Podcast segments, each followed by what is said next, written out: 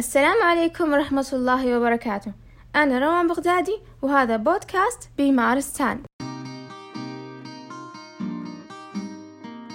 بحث اليوم نشر في 2020 بداية تكلم الباحث عن نوعين من العدوى التي تصيب الجدار الداخلي لعضلة القلب بسبب أجهزة إلكترونية مزروعة فيه. الهدف من هذا البحث هو إيجاد فعالية FDG PET والذي يساعد في تشخيص العدوى بتوصية من الجمعية الأوروبية للقلب.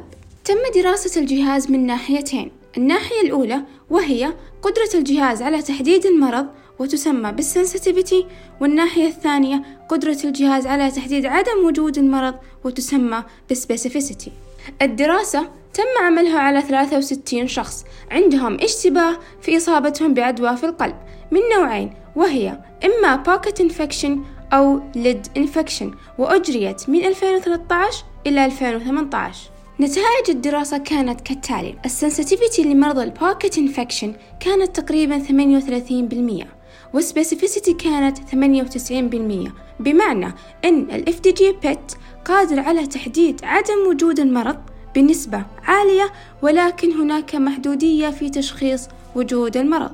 أما بالنسبة لمرضى ال lead infection فال sensitivity كانت 72% وال specificity كانت 95% وهنا نستنتج أن قدرة الجهاز على تشخيص وجود المرض بنسبة متقاربة في تشخيص عدم وجوده.